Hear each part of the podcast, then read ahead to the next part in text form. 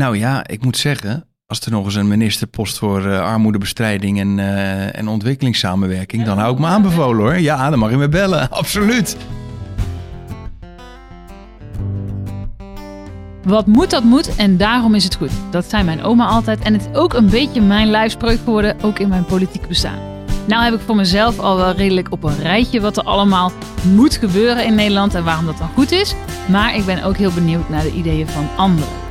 In deze podcast ontvang ik mensen die mij inspireren en praat ik met hen over de goede ideeën die zij hebben voor de samenleving. Ze komen bij me langs op mijn werkkamer in de Tweede Kamer. Een kamer met een rijke historie. Voor mij zaten hier namelijk Hans van Mierlo, Joop den Uil, mijn vader Jan en tijdens de Tweede Wereldoorlog zelfs de Duitsers. Een kamer dus met heel veel ideeën, hele goede en hele slechte. En in daarom is het goed richt ik me op de goede ideeën. In deze aflevering hoor ik van Sander de Kramer hoe hij zich inzet tegen armoede in binnen- en buitenland. Sander, welkom. Ja, hoi. Super dat je er bent. Nou, ik vind het mooi om hier te zijn. Leuk. Bijzondere plek, hè? Ja, het is heel bijzonder. Ja. Toen jij het zei, toen kreeg ik kipvel. Ja. Gek is dat, hè? Is het ook. En nou, ik elke keer als ik het me realiseer ook weer, hoor. Ja, Dus, maar eh, het is natuurlijk ook bizar dat tijdens de oorlog gewoon hier de Duitsers ook hebben gezeten. En eh, nou ja, die hebben in mijn stad, in Rotterdam, natuurlijk een enorme chaos aangericht. En dan krijg ik vanzelf de bibbers. Weet je? Ja. Dat is, eh, ja. alweer even geleden. Maar ehm, ik heb eigenlijk gelijk mijn eerste vraag aan jou gaat over jouw naam. Want jij hebt echt wel gewoon de allervetste bijnaam die je maar kan bedenken. Vind ik namelijk. Chief Oude Dibbes. Chief oude dibbers, ja. En nou, dat chief, dat komen we zo denk ik nog wel even op. Waar dat precies vandaan komt. Maar dat oude dibbes, dat is, wat, wat, wat is dat? En Nou. waarom roep jij dat ook de hele dag? Ik denk dat het heel Rotterdams is. Dat zei mijn opa vroeger altijd tegen me. En dat betekent eigenlijk beste vriend. Ja, als je een goede vriend bent, dan ben je een oude dibbes. En ehm, toen ik naar Sierra Leone ging voor de eerste keer in 2007, toen was het voor het vijfde jaar achter elkaar uitgeroepen tot slechtste plek op de wereld. Dus ik had vanuit mijn journalistieke interesse zoiets van, hoe ziet het leven er dan uit op de slechtste plek op aarde? Dus ik ben daar naartoe gegaan. En toen waren er heel veel mensen die tegen mij zeiden, hey, friend, friend. en dan zei ik, hey, what's my name? En zei hij, ja, dat weet ik niet. Ik zei, nou, dan ben je geen goede vriend van me. Ik zeg, want waar ik vandaan kom in Nederland en met name in Rotterdam, als je daar een echte vriend bent, dan ben je een oude dibbes. nou ja, en toen ik later dus chief ben geworden, toen, eh, toen werden dus chief oude dibbes. Ja, mooi. Ik vind oude dibbes ook wel echt wel een mooi, ja, een, een, een, een warme titel om mensen te geven. Ja, heeft iets ik. liefelijks. Het heeft ja. echt iets. Het ja. heeft niks met oud te maken. Sommige mensen kennen het begrip niet. En zeggen, hé, hey, oude zeg, Nou, nou, zo oud ben ik niet. Ik zeg, maar daar heeft het niks mee te maken. Een oude dibbes, dat zeg je juist als je iemand echt een warme groet wil brengen. Oude dibbes. Ja. Ja, mooi. Sierra Leone inderdaad. Eh, vanaf 2007 kom je daar al. ik ben er nu eh, 49 keer geweest. En ik ga aanstaande zondag voor de 50ste keer. Voor de jubileum. vijftigste keer. Ja, Ja. en 134 keer in Afrika geweest. Bizar, hè? Nou, dat is eh, behoorlijk wat inderdaad. Wat is nou hetgeen wat je daar nou zo naartoe trekt? Want ik bedoel, dat het toch een, ja, een bak ellende is en een hoop te verbeteren. Dat, Ja. dat ziet iedereen, denk ik. Nou, het is toch wel eh, mensen willen helpen. Dat komt bij mijn moeder vandaan. Die nam mij toen ik zes jaar was. Toen nam ze mij mee naar een, eh, naar een demonstratie voor indianen die van hun land gejaagd werden. omdat er dure mineralen in de grond waren gevonden. Dus die werden gewoon weggestuurd, weggejaagd met wapens. En eh, toen gingen wij demonstreren. En ik had echt het idee, we gaan de goede kant op. We zijn een heel klein clubje, maar we gaan de goede kant op. En er liepen mensen voorbij en misschien schouderophalend of hun wenkbrauwen optrekkend. Maar ik wist gewoon van, eh, misschien zien zij ons wel als spookrijders, maar wij gaan wel de goede kant op. En dat gevoel heb ik vaker gehad als ik naar Afrika ging. Ook toen ik besloten had om, eh, om die kinderen uit de diamantmijnen te halen. Ja. Toen ik echt kinderen tegenkwam, diep in de jungle van Sierra Leone. Allemaal weeskinderen, waarvan hun ouders doodgeschoten waren. En zij als weeskinderen de meest kansarme, kwetsbare kinderen waren. Die geronseld werden door loesje diamanthandelaren. Die stonden voor nog geen dubbeltje naar diamanten te graven. Dat waren gewoon slaven, kleine slaven. Vier, vijf, zes, zeven jaar jong. En toen ik zei van nou, al wordt het me dood, ik ga die kinderen eruit halen. Toen had ik wel echt wel zoiets van ja, dit is wat ik wat mijn moeder mij heeft meegegeven. Eh, ik ben de spookrijder misschien op, op heel veel vlakken dan. Want iedereen om je heen gaat dan zeggen, maar je gaat toch geen, die, kinderen uit de, uit de mijn halen? Dadelijk wordt het je dood. Die gaan het je afraden, terwijl wat jij gezien hebt de grootste schande van de wereld is. Ja. Weet je wel, uitgerekend het duurste steentje ter wereld. Dat wij om elkaars vingers schuiven op de mooiste dag van ons leven. Hè, wat, wat hier symbool staat voor ultiem geluk. Dat werd daar aan de andere kant opgegraven door de meest doodongelukkige weeskinderen op aarde. Nou, dat gaat mij te ver. Dan grijp ik die paradox, die, die, die enorme schande aan, om niet alleen uh, dat aan de kaak te stellen, hè, om, het, om het naar buiten te brengen als journalist, maar ook om er wat aan te doen. En dan heb je echt veel kinderen volgens mij uit die mijnen gehaald, Ja, die nu naar school gaan. ja. En heel veel scholen gebouwd voor kinderen die anders nooit naar En school hoe heb je dat gegaan. gedaan? Want ik bedoel, dat is nogal wat. Ja, dat was inderdaad. naar dat land eh, iets opbouwen, zoiets voor elkaar boksen. Ja, ik moet eerlijk zeggen, ik was eerst heel naïef en dom. Want ik ging het met hulpverleners doen en toen verliep het helemaal mis. Dus ik ging die mijnen in met hulpverleners. Toen zijn we bedreigd. We zijn gearresteerd door een eh, politieagent. Die was gewoon gecorrumpeerd door de diamanthandelaren. Dus het was gewoon een corrupte agent. Nou, die hebben we uiteindelijk moeten terug omkopen om vrij te komen. Toen dacht ik echt, nou in die periode dat ik even gearresteerd was, dacht ik echt van wat ben ik een naïeve lul. Denk ik nou echt hè, op zijn Jan Boeren fluitjes hier wel even te komen oplossen midden Ja. in de jungle waar, waar, waar eh, eigenlijk een soort wetteloosheid heerst. En waar de gieren van de wereld, de wolven van de wereld eigenlijk het voor het zeggen hebben. En dan kom ik met mijn naïviteit en kom ik het wel even oplossen. Zo werkt het niet. En toen dacht ik echt bij mezelf, als deze agent mij in de bak gooit en die zegt dat ik zelf in de diamanthandel zit of in de drugshandel of weet ik veel wat, dan, dan, dan ga ik erin misschien wel voor tien jaar. Dat gaat allemaal door je hoofd heen op dat moment. En eh, ook een keer moeten vluchten, echt uit een mijn voor mensen met van die grote machettes die eh, heel agressief werden omdat ze wisten dat wij kwamen, opkwamen voor de, voor de rechten van de mijnwerkers. En eh, daarna kwam iemand naar me toe en die had echt de sleutel in handen. Die zei van jongen, als jij hier iets wil veranderen, dan moet je gaan praten met de chiefs, met de burgemeesters. Dus met de traditionele leiders. Ja. Daar hebben we de chief. De traditionele leiders van het land. Echt de burgemeesters. Want zij hebben hier het voor het zeggen. Zij zijn de oren en de ogen van de hele maatschappij. Toen ben ik met ze gaan praten, met de Paramount Chief. Een shirt meegenomen van het Nederlands elftal, 2007. En toen zei ik van, Chief, zeg, ik heb een cadeautje, kom nooit met lege handen. Ik kom uit Nederland. Ik zeg, ik heb een shirt van het Nederlands elftal meegenomen. Maar e- even voor mij, zo'n chief. Ik bedoel, daar stap je gewoon zo naar binnen dan? Of hoe, hoe gaat dat? Je Dat kan dat toch niet aan. zomaar... Dat, ja. ja. daar vraag je aan. En nee, dan, maar dat je dan- daar niet zomaar op de deur kan kloppen en zegt... Nou, Nee. eh, ik ben Sander uit Nederland en ik heb een shirt voor je. Nee, maar op het moment dat je jouw intenties uitspreekt dat je, het, dat je dat gebied wil gaan helpen, dan staan ze daar zeker voor open. Dus ik kwam vrij snel bij de Paramount Chief binnen. En, eh, en toen zei ik tegen de chief, dus met dat Nederlands elftal in mijn shirt, eh, shirt in mijn hand, zei ik van joh, luister, ik kom uit Nederland. En toen zei hij, kom je uit Nederland? Mijn broer heeft gevoetbald met Johan Cruijff bij Cosmos in Amerika. Nou, toen dacht ik echt bij mezelf, de kans dat ik tien keer achter elkaar de staatsloterijshow win, is groter dan, dan dat ik hier iemand tegenkom midden in de rimboe die gewoon Johan Cruijff persoonlijk kent. En toen, eh, toen was het ijs gebroken. En toen zei hij van, wat wil je eigenlijk? Toen zei ik, ik heb hier een enorme schande gezien. Kinderen in diamantmijnen. Ik wil ze eruit halen en ze naar school sturen. En echt een school voor ze bouwen. Want ze willen graag naar school. En toen zei hij van, ik ga je helpen. Hij zei letterlijk, I'm with you. En hij zegt, ik kan aan je ogen zien met wat voor intentie jij komt. En het is ook, hè. Ze hebben gestudeerd, de Chiefs. Hm. Maar ze hebben daarnaast ook Jungle Academie. Weet je wel? Ze zien precies aan iemand, of levensuniversiteit, hoe je het noemen wil. Ze zien precies aan iemands intenties van wat, wat komt iemand doen. Wat, aan iemands ogen van hé, hey, spiegels van de ziel. Die komt met eh, goede bedoelingen en die komt met slechte bedoelingen. En hij zag bij mij van deze komt met goede bedoelingen. Maar ja, dan sta je daar met je goede bedoelingen, inderdaad. Maar Ja. dan de stap naar al die kinderen uit die mijnen, die mensen uit de armoede helpen, die scholen bouwen. Ja, Dat is dan dus toch immens? het is immens. Ja, als je erbij eh, bij stilstaat en over terugdenkt. Ja, ik ben er nu. Want heb jij negen- een beeld bij voor hoeveel mensen je nou daadwerkelijk echt iets fundamenteels betekend hebt? 400.000 ongeveer. Ja, 400.000 mensen zitten in onze projecten. Dus linksom of rechtsom hebben ze iets aan onze projecten. En soms is het ook heel makkelijk, hè? want uiteindelijk heb ik mijn hart verloren in Afrika. Ik ben echt, ik zeg wel eens, eh, Ne- eh, Nederland is mijn vaderland en Afrika is mijn moederland. Want eh, ja, het is, het is een continent waar ik echt mijn hart heb verloren. En ze zeggen altijd mama Afrika, hè? zeggen ze mama Mhm. Afrika. En eh, het is echt gewoon, ja, mijn, mijn, mijn, ja, gewoon, ik voel me daar zo thuis, net zo thuis als dat ik me hier voel inmiddels. En eh, dus ik heb toen echt gezegd van, ik ga proberen zoveel mogelijk mensen te helpen. En dat is echt gruwelijk uit de klauwen gegierd, kan ik wel zeggen.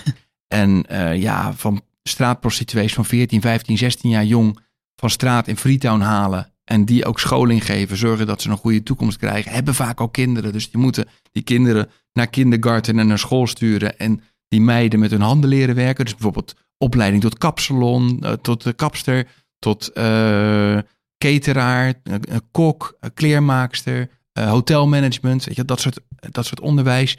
Maar ook bij gehandicapte kinderen of bij weeskinderen, gewoon lagere school, middelbare school, hogere middelbare school.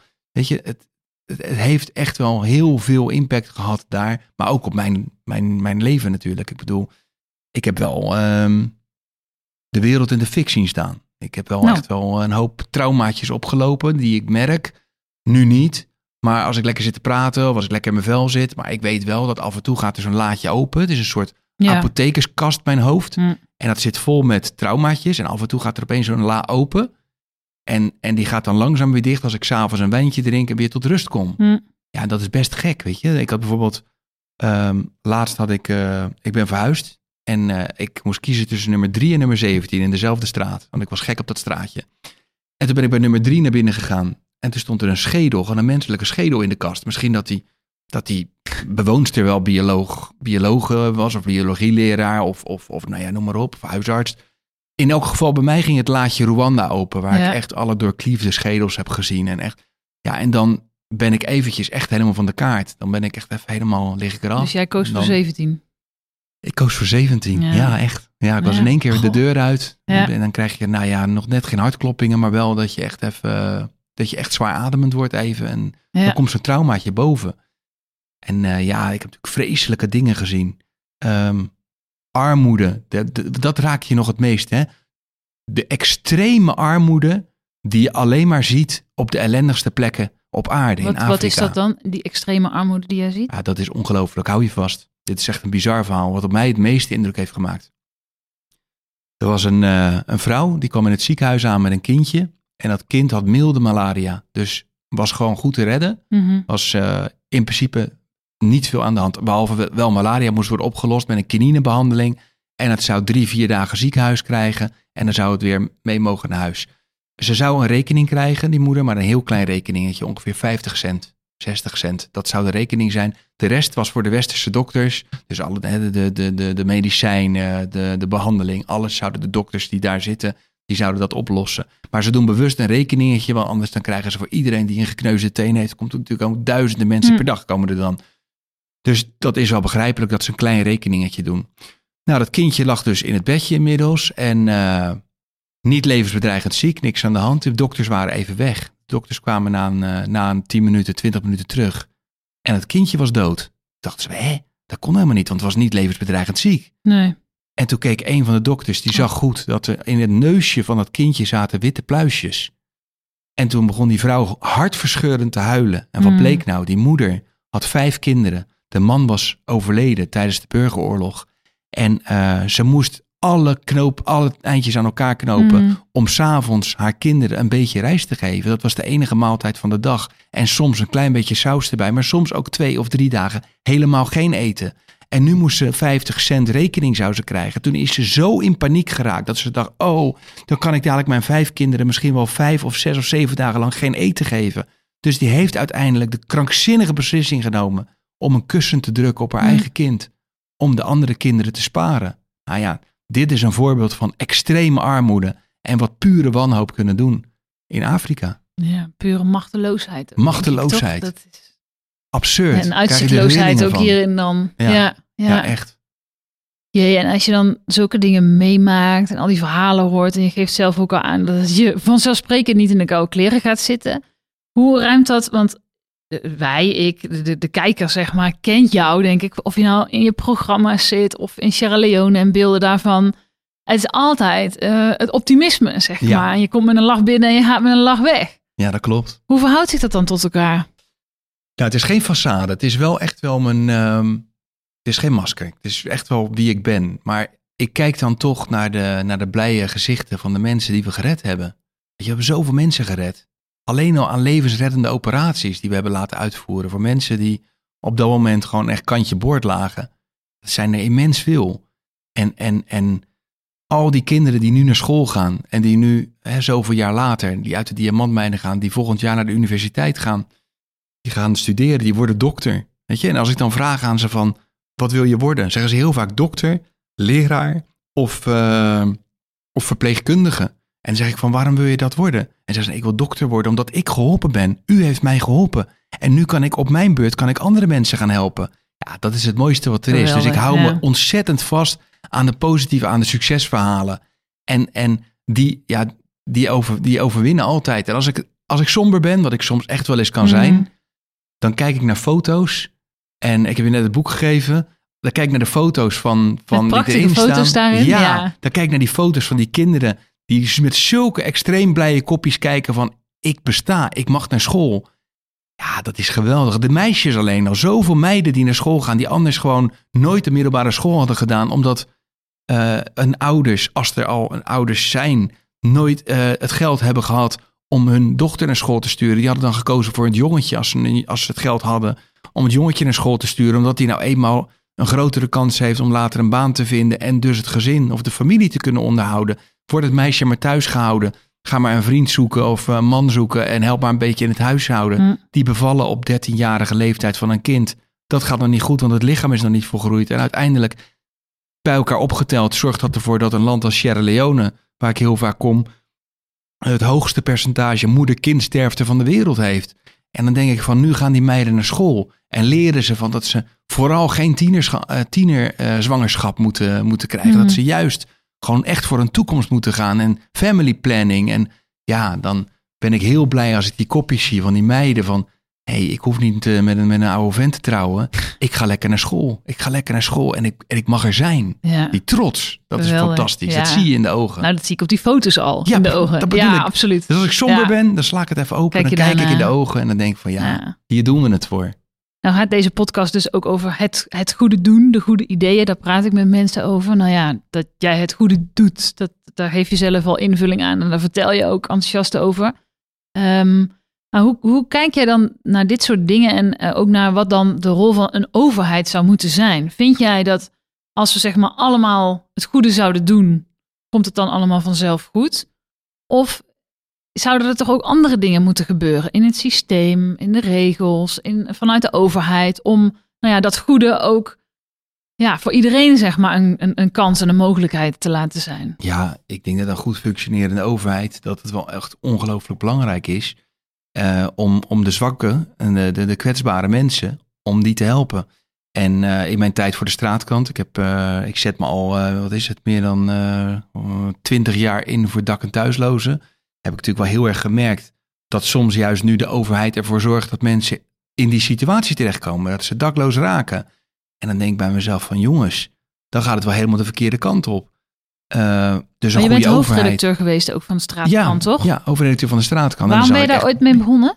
Eh, ja, dat was echt een combinatie van journalistiek, waar Ja. ik al vanaf kinds af aan in geïnteresseerd ben. Maar ik ben ook al van kinds af aan geïnteresseerd in, eh, in dak- en thuislozen. Waarom? Ik dacht, nou, dat is ooit gekomen toen ik 12 jaar was en ik ging naar de bioscoop.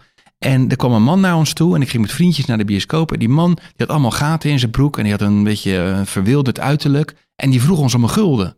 En toen zei ik van, nee, dit is ook raar. Normaal krijg je toch van een volwassen man krijg je zakgeld. Maar deze volwassen man vraagt mij als 12-jarig kind om zakgeld, om geld. En dat zette mijn hele wereld even op zijn kop. En toen dacht ik echt wel bij mezelf van waarom gaat deze man niet gewoon net zoals mijn vader naar zijn werk? En waarom vraagt deze man om geld? En altijd als ik een dakloze over straat zag lopen of uit een prullenbak zag eten, dacht ik altijd, wat is het verhaal achter die persoon? En toen ik in de journalistiek terecht kwam, toen ben ik echt op zoek gegaan naar de antwoorden. Heb ik mijn huissleutels ingeleverd. Heb ik meer dan een maand op straat geleefd. Echt op straat geslapen, in de daklozenopvang geslapen. Om te weten, hoe is het nou om aan die kant te staan? En toen vielen echt de schellen van mijn ogen. Dat ik erachter kwam dat heel veel mensen ooit zoals mijn vader waren geweest. Die een goede baan hadden gehad. Die buiten Ja. hun schuld om vaak op straat waren beland. Bijvoorbeeld omdat ze een kind hadden verloren. Zichzelf daarom hadden verloren. eh, eh, eh, en, en zichzelf verloren in verdriet. Misschien soms wel naar de fles hebben gegrepen. En uiteindelijk met al hun verdriet in de daklozenopvang terecht waren gekomen. En toen dacht ik echt bij mezelf van tussen die oud-topsporters, soms ook oud-miljonairs, dacht ik bij mezelf van dit is zo bizar. Eh, dit moeten mensen weten, dat het iedereen kan overkomen. En toen ben ik echt wel bij de daklozenkrant gegaan. Maar jij zet dus dan ook de stap om eh, een maand lang je eigen huissleutels in te leveren. Ja, Want ik, ik- bedoel, ik snap nog dat je zegt, goh, je ziet iemand staan, je bent geïnteresseerd in iemands verhaal, je bent journalist, je wilt dat optekenen. Maar een andere stap is dan denk ik toch ook zeggen van nou, ik ga ook een maand lang op die manier leven. Dat is Ja. bijna tegen het activisme aan, toch? Nou. dat is, of hoe, hoe zie je dat? Ja, nou, het is in elk geval dat ik werd steeds vaker gebeld. Je weet, sommige journalisten zijn best lui, dus die bellen dan de hoofdredacteur van de dakloze Dat krant. zou je mij nou Van- nooit horen zeggen, nee, maar, Sander. maar, nee, maar die zeggen dan van, Ja. wat, wat vinden jullie, eh, wat vinden de daklozen hiervan? Ja. Ik zeg, ja, ik zeg, dan moet je het vragen aan, aan, aan Arie, die zit naast me, die is dakloos. Ja. Maar dan belden ze elke keer mij als hoofdredacteur van de dakloze krant. Toen dacht ik van, hé, hey, eh, sowieso, ik werk met daklozen, ik praat heel veel met ze. Eh, ik sliep letterlijk natuurlijk ook met ze, want we sliepen in de nachtopvang. Dan vind ik ook dat ik echt wel in elk geval een idee moet hebben hoe het is om aan die kant te staan. En dan moet ik alle verhalen absorberen. Ik moet het hebben meegemaakt om ergens te staan bij een, bij een nachtopvang waar je wordt weggestuurd omdat je drie minuten te laat bent. Dus dat heb ik ook meegemaakt. Dus dan weet je echt wat de mensen hebben meegemaakt. Dus ik werd als, als klankbord en ook wel een beetje als spreekbuis voor dak- en thuislozen. Werd ik wel sterker door mijn avontuur op straat. Ik kon erover meepraten. En het, het hielp ook dat de daklozen echt wel een, een arm om mijn schouder heen legden. Van hé, hey, wat tof dat je dit doet. Weet je, dat je ook, dat je je zo in ons verdiept. Dat je het gewoon dit avontuur aangaat. Al, he- al zeg ik niet natuurlijk dat ik dakloos ben geweest. Want ik kon elk moment kon ik natuurlijk mijn Ja. avontuur afbreken. En dat is Dat natuurlijk maakt denk ik een groot verschil, hoofd hè? Een groot Ja. verschil, Ja. Wat maar ik heb er heel veel van geleerd. Wat is toch dan het heftigste wat je hebt meegemaakt in die maand? Honger je hebben. meest is blij? Echt honger hebben. Oh ja. Ja, ik, had mijn, ik was binnen een dakloze opvang en dan kreeg je 10 punten. Dus dan moest je betalen. Volgens mij was het eh 3 euro. Moest je betalen. En dan kon je voor die 3 euro, eh, kreeg je dan 10 punten. Dat was dan je slaapplek. Maar je kreeg ook boterhammen. Je- Een kop koffie was bijvoorbeeld 1 punt of 2 punten. En dan eh, een boterham was 2 punten. En toen, maar het stonk zo, want het had geregend. En we zaten allemaal in die nachtopvang. En ik dacht echt bij mezelf, ik ga nu geen boterham eten. Ik spaar al mijn punten op. En morgenochtend neem ik lekker, eh, ik had wel een kopje koffie genomen, neem ik lekker vier boterhammen mee. Dan ben ik door mijn punten heen, maar dan heb ik wel lekker vier boterhammen voor de dag. Ja. En toen werd ik iets te laat wakker, want ik was echt heel moe, want ik had echt de hele dag over straat geschuimd. En ik kom aan beneden en het, ik, ik vergeet het nooit meer. Het leketje ging naar beneden, Oh. dat, dat, dat, eh, dat, eh, dat, dat, dat gaas, weet je wel. En Ja. het rolluik. En het rolluik ging naar beneden. En ik zeg van, "Maar meneer, ik heb punten. En toen zeiden van, nee, je bent te laat. Volgende keer beter. Hup. En zo de Nee. rolluik ging naar beneden. En Oh, ik had nee. geen boterham. En, ik, eh, Oh. en toen dacht ik bij mezelf, ja, nu moet ik stelen. Want ik heb ook geen geld meer. Want ik heb het allemaal uitgegeven. Ik moest nog dakloze kranten gaan verkopen. Ik, moest Ja. nog, ik heb ook gebedeld om te weten hoe dat is. Ah, je wordt je uitgescholden. Voor rotte vis uitgemaakt. Ook met de dakloze krant. Dat mensen echt tegen je zeggen van, joh, ga werken voor je centen. Dat je gaat werken voor je centen, klootzak. Weet je wat het allerheftigste is geweest? Hm. Dat ik bij een bakker naar binnen stapte en ik vroeg hem om een brood. En die bakker die keek me echt heel agressief aan. En ik was er inmiddels best wel, zag ik er verweerd uit en zo. En ik stonk al een beetje. En dat gaat na drie dagen ga je echt al ruiken naar de nachtopvang. Ja. En toen keek hij me heel link aan. En toen zei hij, brood? Ik geef nog liever mijn brood aan de beesten dan aan een smerige zwerver als jij. En nou oprot uit mijn winkel. Ach, ach. Ja, dat is, dat is Ja. keihard hoor. Dat is Ja. keihard. Terwijl aan de andere kant zijn er ook onwijs lieve mensen. Want is er ook bijvoorbeeld in Zeewolde de dakloze bakker. En die, die, die heeft echt tientallen jaren brood gebakken voor daklozen. Dat ging echt naar de Pauluskerk. En die had als, als, als tegeltje aan zijn muur... eh, oud brood is niet hard, geen brood, dat is hard. Dus je hebt ook onwijs lieve mensen ja. die, die, die juist Mooi. wel een arm om je schouder slaan. Ja. Ja, Nou is het wel zo dat de afgelopen tien jaar het aantal daklozen in Nederland is verdubbeld. ja. Dus terwijl het onwijs goed ging met de economie, hoge Ja. winsten, aandeelhouders zijn rijk geworden, is het aantal daklozen verdubbeld. ja. Wat vind jij daar dan van? Ja, bizar. Echt bizar. Maar ja, je merkt nu natuurlijk ook met de corona. Er zijn natuurlijk ook een paar die heel rijk ervan worden. En er zijn er heel veel die er heel arm van worden. Kijk, en eh, we hadden het net over de overheid. Ik zou een voorbeeld vertellen van eh, buschauffeur Ari. Daar gaan echt je oren van klapperen. Ari werkt eh 30 jaar, meer dan 30 jaar als buschauffeur voor de RET in Rotterdam. Hm. Voor, de, voor, de, voor de openbaar vervoersbedrijf. En eh Arie ging hartstikke goed. Eh, thuis zorgde Els, zijn vrouw, dat alles goed op rolletjes liep. En Arie, elke dag op de bus, nooit een dag te laat, nooit ziek, altijd op tijd, reed altijd zijn ritten. Nou, zo, zo rooiden ze het mooi.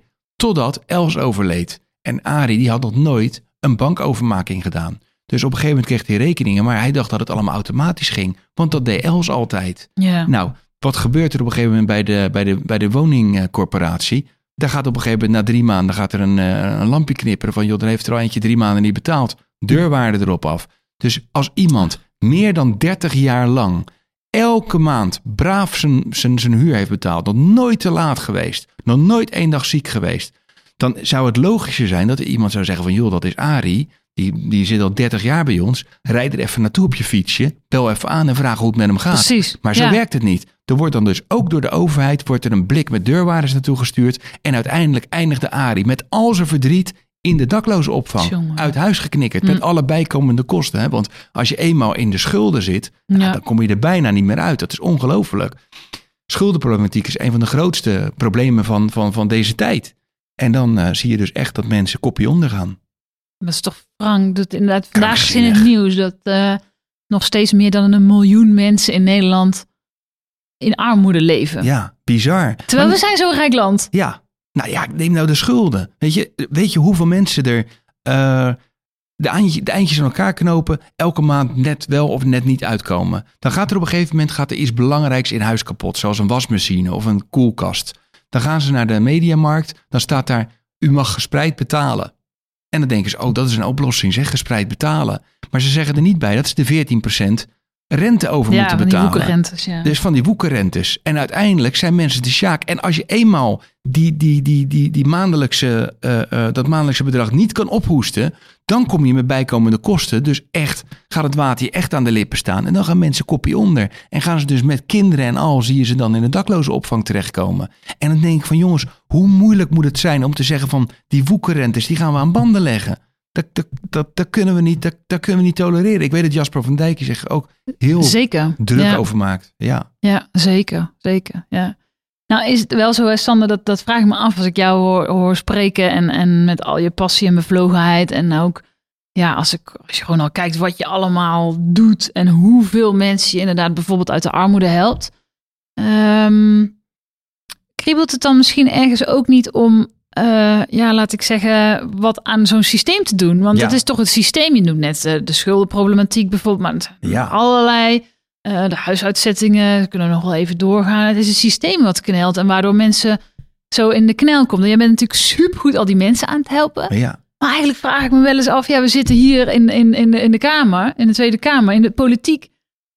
Ja. Zou dat nou eigenlijk ook niet wat voor jou zijn? Nou ja, ik moet zeggen, als er nog eens een ministerpost voor eh, armoedebestrijding en, eh, en ontwikkelingssamenwerking. Ja, dan ik mogen we jou aanbevolen, Hoor. Ja, dan mag je me bellen. Absoluut. Ja? Ja hoor, zeker. Nee, dat, dat, dat, dat jeukt, dat Wat kriebelt. Omdat ik, eh, ik vind dat er veel te weinig echt eh, op de straat zelf gekeken wordt. Weet Ja. je, ik, heb er, ik ben er weinig mensen. Ja, vader kwam, weet je, dat, die stond echt vooraan en die vroeg ook echt van, eh, joh, wat is jouw mening nou? Weet je wel? Nou ja, jij ook. Ja. Je bent ook echt heel erg geïnteresseerd en heel erg bevlogen. Maar er zijn ook heel veel partijen. Nou, die heb ik, die heb ik nog nooit voorbij zien komen. Die hebben mij nog nooit een telefoontje gegeven. En dan denk ik wel eens bij mezelf van, nou, er valt nog een wereld te winnen. Ook op ontwikkelingssamenwerking hoor. Kijk, de laatst was ik bij Radio 1 en ik, eh, ik zat daar en er kwam een, eh, een, een, professor, was een nieuwe eh, hoge pief bij de Verenigde Naties werd hij. En die moest ervoor zorgen dat de kloof tussen arm en rijk in de wereld zou Oh ja. krimpen. Nou, dus ik zat al een beetje met een opgetrokken wenkbrauw en ik, ik hoorde hem zo praten. En toen zei ik, meneer, ik zei, bent u ooit wel eens in Afrika geweest? En nou, toen kwam er een beetje gestamel en gestotter uit. Toen zei hij van Zambia. Nou, volgens mij was hij daar een weekje geweest. En toen zei ik, maar hoe gaat u dat dadelijk doen als u daar bijna niet geweest bent in die, in die... Hoe gaat u dat dadelijk aanpakken dan? En toen zei hij van, ik ga me veel laten adviseren door NGO's. Ik zei, nou, dan heb ik, dan heb ik nieuws voor u. Ik zeg, op de plekken waar ik ben, waar het asfalt dus opgehouden is... en al heel lang alleen maar remote area is... dus waar de allerarmsten zitten... Ja. Daar komen geen NGO's, want die komen tot het asfalt komt. En, de, en daarachter zie je nauwelijks nog NGO's. Een paar, maar bijna niet. Ik zeg dus, als je je dan gaat laten adviseren, dan gaat het hier al mis. Ja, die man die kwam er natuurlijk helemaal niet meer uit. Die zat alleen maar, die kreeg de Ach, vlek in zijn nek staan. Ja, weet je, dan, dan ben je de luizende pels. En dan denk ik wel bij mezelf, ik Ja. zou dat wel heel graag Ja. willen opschudden hoor. ja. Absoluut. Nou, dat is wel een, eh, een spannende ambitie. Tuurlijk. Dat zou mooi zijn. Ja, ja, ja, dat zou mooi zijn. Is Sander nou eens onderdeel van deze podcast ook dat ik altijd een idee laat horen van een SP-collega van mij. Dit keer is het Sandra Beckerman, Tweede Kamerlid voor ons. En dan wil ik daarna graag horen wat jij eh, van haar idee vindt. Goed. Kom ze. Hey Lilian en Sander. Dit is Sandra Beckerman, Tweede Kamerlid van de SP en ik heb klimaat en wonen in portefeuille. Gedurende 10 jaar Rutte is het aantal daklozen in Nederland verdubbeld. En dat is een schande in een rijk land als Nederland. Heel veel mensen zijn slechts één of twee hele slechte maanden verwijderd van een heleboel problemen. En in de eerste helft van 2020, gedurende de coronacrisis, toen het kabinet zei dat iedereen veilig thuis moest blijven, werden er alsnog 1200 mensen uit hun huis gezet. En volgens de SP is het allereerste wat nodig is dat er geen huisuitzettingen meer plaatsvinden. En wanneer mensen niet in hun huis kunnen blijven van, vanwege veel overlast, dat er in ieder geval gezorgd wordt voor een passend alternatief. Juist wanneer iedereen veilig thuis moet blijven, moeten we ook zorgen voor een veilig thuis voor iedereen. En daarom moeten we heel veel meer gaan bouwen, heel veel beter mensen gaan begeleiden. Maar voor nu moeten we allereerst stoppen met gedwongen huisuitzettingen. Ik hoor graag wat jullie van dat idee vinden. Succes! Groeten! Ja, Sander, is dit iets waar je in kunt vinden? Ja, roerend mee eens. Echt van, uh, van A tot Z mee eens. Met alles wat ze zei. Je ziet nu gewoon uh, zoveel mensen op straat terechtkomen. Ook met die coronacrisis. De rijen voor de voedselbank zijn nog nooit zo, zo lang geweest. En het is toch eigenlijk van de zotte dat, uh, dat, dat, dat er nu nog anno 2020, juist nu, dat het, dat het aantal daklozen en aantal mensen in problemen en financiële problemen, dat het zo enorm groot is. Ja, daar moeten we met z'n allen wat aan doen. En die huisuitzettingen, ja. dat moet gewoon niet meer kunnen. Dat is, mensen, zeker kinderen, die raken getraumatiseerd. Hè? Die komen hartstikke getraumatiseerd in zo'n opvang. Die zien daar, die, die, die, die zitten op een gegeven moment, met alle respect, tussen tandeloze Theo en, en, en, uh, en andere dak- en thuislozen die misschien wel een hele zware verslaving hebben. Die, er komen groepen bij elkaar die helemaal niet bij elkaar moeten komen ook. Weet je, omdat het elkaar ook alleen maar kan versterken en kan verslechteren. Ja. Snap je, als je wat ik, Ja. de, de, de, de, de, slechte eigenschappen worden nog erger en andersom. Want neem nou bijvoorbeeld een uh, Ari bijvoorbeeld, waar we het net over hadden. Hmm. Als die in de dakloze opvang komt met al zijn verdriet en die ziet iemand naast zich uh, heroïne gebruiken of drugs gebruiken en die zegt van nou dit is in elk geval mijn uitlaatklep, Ja. want uh, poeh, heb ik tenminste nog een beetje, een, een, kan ik mijn gevoel nog een beetje onderdrukken. Dan zit Ari, die zit ook binnen in no time aan dat spul. Dus geen huisuitzettingen, daar moeten we echt mee stoppen. He- mensen helpen, mensen een duwtje geven in de goede richting. Veel betere schuldhulpverlening, er bovenop zitten. Als mensen schulden hebben, gaan helpen om van die schulden af te komen. En de overheid is een van de gemeenste schuldeisers. Ja, Weet zeker. je, dat is ongelooflijk. Ja, zeker. Dus daar moeten we ook mee stoppen. De overheid is een van de redenen waarom mensen in de problemen komen. Laten we daar alsjeblieft nou een keer mee nokken. Bijst of uh, alleenstaande moeders die elke, elke maand de eindjes aan elkaar moeten knopen om het voor elkaar te krijgen. Voor hun is een autootje alles. Hun autootje is alles. Omdat ze daar naar hun werk moeten gaan en ook zorgen dat er eten op de, op de plank ligt. En uiteindelijk gaat het stoplicht, het gaat op oranje. Ze denkt, oh nee, ik moet, niet, ik moet geen bekeuring krijgen. Dus ze geeft een beetje gas en ze pakt rood licht en ze pakt, uh, en ze pakt vervolgens een bekeuring vanwege te hard rijden omdat hij dubbel flitst. Zo'n vrouw is echt gewoon getekend, want die krijgt een bekeuring met bijkomende kosten die ze niet kan betalen. Dan loopt hij nog hoger op en nog hoger. En dat gaat echt niet Ja. meer met tientjes tegelijk. Hè? Dat gaat echt met enorme bedragen. Voor, zo, voor zulke mensen moet je er toch staan. Dat zijn mensen, dat, dat drijft, dat zijn de pilaren van de samenleving. Kom op. Nou, Tja. ja, dat eh, is een duidelijke opdracht, denk Ja. ik. En eh, in die zin is er nog genoeg te doen. Ja, Eh, wie weet wel ooit als minister voor, nou tegen armoede eigenlijk dan. Ja, dat tegen zou, armoede, Dat zou precies. wel mooi zijn, Ja, toch? Dat ja. er dus een minister komt tegen armoede. zeker. Het is natuurlijk ook heel en dan raar. wordt de eerste Sander de Kramer. Ik ben erbij. Hey, mag ik jou onwijs bedanken voor het eh, inspirerende gesprek. Heel veel succes wensen natuurlijk ook met jouw goede werk. We gaan Ja, het dankjewel. allemaal volgen. En eh, nou, zet hem op. Super. Eh, dit was Daarom is het goed, de podcast waarin ik van mensen die mij inspireren hoor welke goede ideeën zij hebben voor de toekomst. Wil je niks missen? Abonneer je dan via Apple Podcast of Spotify. Tot de volgende.